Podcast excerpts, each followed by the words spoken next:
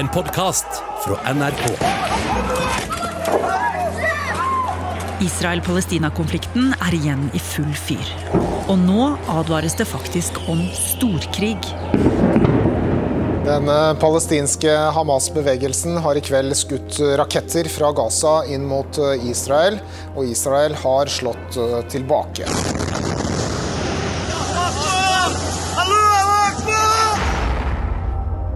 Og noe av det som tente gnisten denne gangen, var en krangel i et bitte lite nabolag i Jerusalem.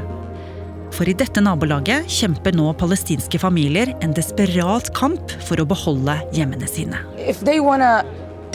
House. Hvorfor kjemper de denne kampen?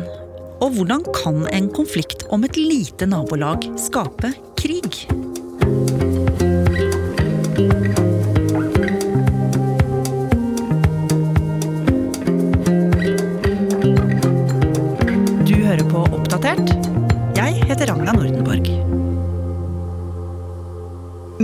Oppi alle disse nyhetene fra Israel og Gaza, så kom jeg over en video som har blitt delt veldig mange ganger.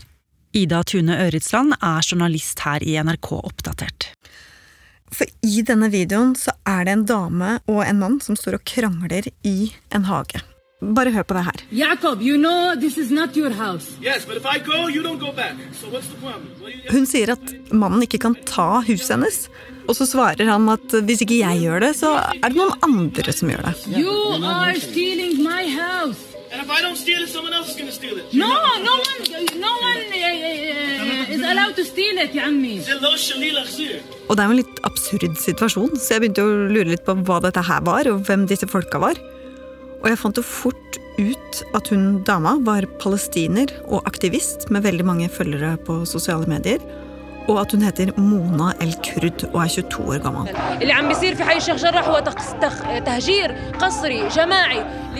Og huset hennes det ligger i et nabolag i Øst-Jerusalem som heter Sheikh Jarrah. Og i en annen del av det huset så bor mannen som hun krangler med i videoen, Jakob, som er jødisk. Og krangelen den går jo ut på at han mener at han har rett til å bo der, og at Mona må flytte. For nylig så kom det en dom i israelsk tingrett som sier at Mona og familien, og flere andre palestinske familier, faktisk må flytte ut av husene sine som de har bodd i i generasjoner. Men familien de har ikke noe sted å dra, de sier de, så Mona kjemper nå en beinhard kamp for å få lov til å bli der. Og da skjønte jeg jo at grunnen til at denne videoen har blitt så mye delt, er fordi den viser så innmari tydelig hva konflikten i Israel handler om, og hvorfor det har tatt fyr akkurat nå. Ja, for dette her er jo en lang og vond konflikt som jo starta lenge før Mona ble født. Ja. I 1948 så ble staten Israel oppretta.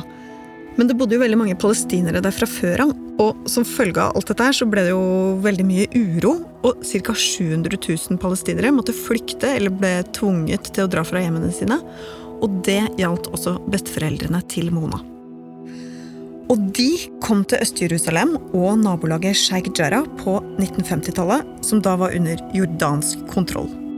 Og de ble tilbudt hus, som var en del av en ordning for flyktningene som kom, og det takka de ja til, og slo seg ned.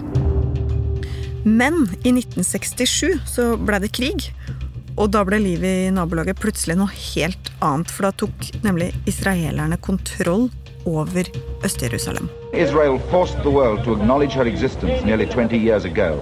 But now, a triumphant Israeli army had smashed the barrier and was letting in waves of soldiers. Og det førte til at det kom en lov i 1970 som sa at jøder kunne ta tilbake land som hadde vært eid av jøder, før staten Israel ble oppretta.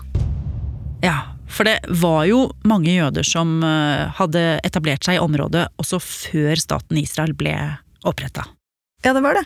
Men denne loven syns jo ikke Monas familie og andre palestinere noe om. For de, som palestinere, hadde ikke de samme rettighetene. De kunne ikke reise tilbake til huset som hennes besteforeldre hadde forlatt da staten Israel ble oppretta. Så de mente jo dette her var utrolig urettferdig. Og dessuten så mente jo mange at dette var en strategisk plan fra israelske myndigheter for å tømme Øst-Jerusalem for palestinere, som det jo var mange av der.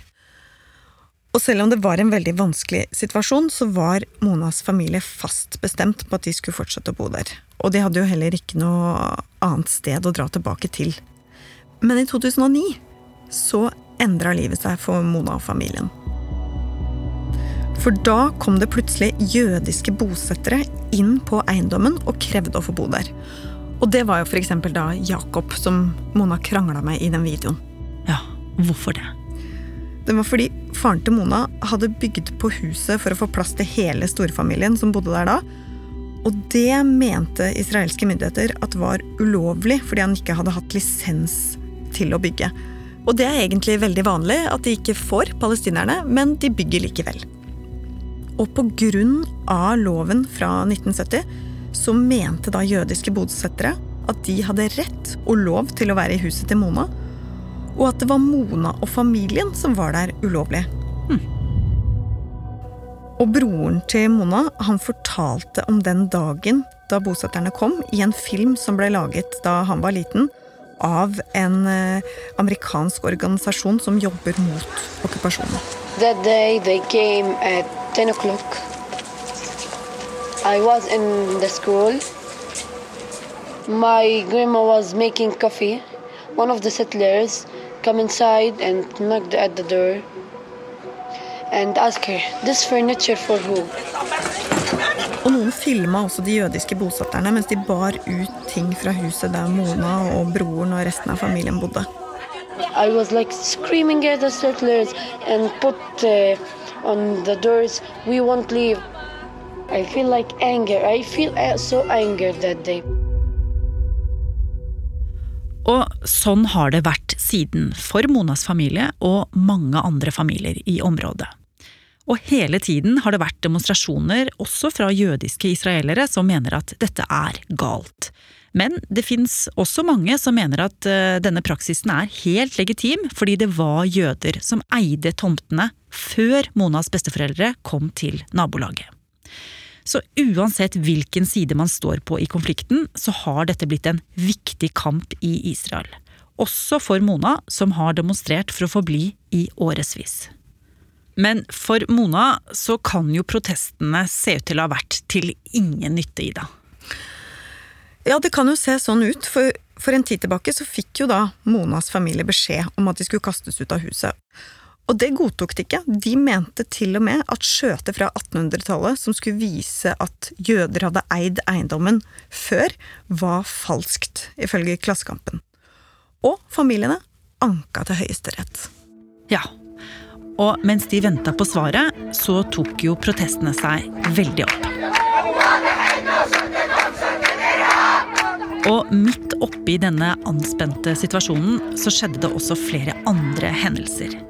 For på samme tid var det begynnelsen av ramadan-feiringen. Og veldig mange palestinere skulle samles til bønn i Jerusalem. Men politiet mente at mange av de som eh, kom, hadde til hensikt å lage uro ved moskeen. Og da var bråket i gang.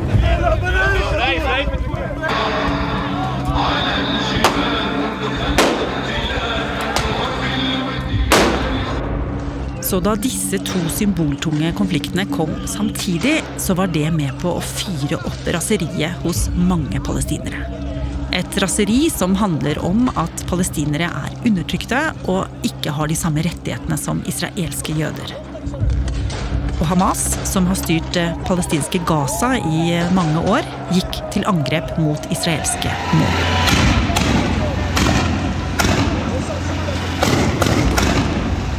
FN, EU og flere andre land ber israelere og palestinere gjøre det de kan for å dempe konflikten. The Israeli Minister Benjamin Netanyahu says militants in the Gaza Strip will pay a very heavy price for their belligerence after another day of escalating violence between Israel and the.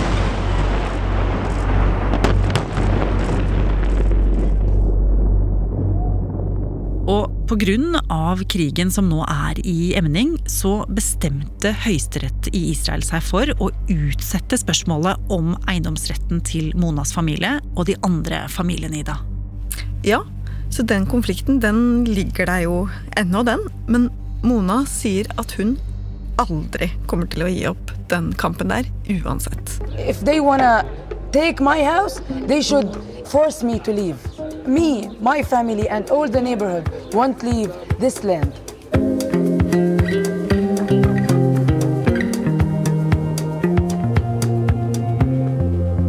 Har du lyst til å bli fast lytter av oss i Oppdatert og få påminnelse om nye episoder, er det bare å følge oss i NRK radioappen.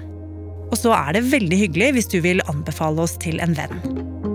Oppdatert er en podkast fra NRK Nyheter. Og denne episoden er laget av Ida Tune Øritsland, Bendik Hansen, Andreas Berge og meg, Ragna Nordenborg.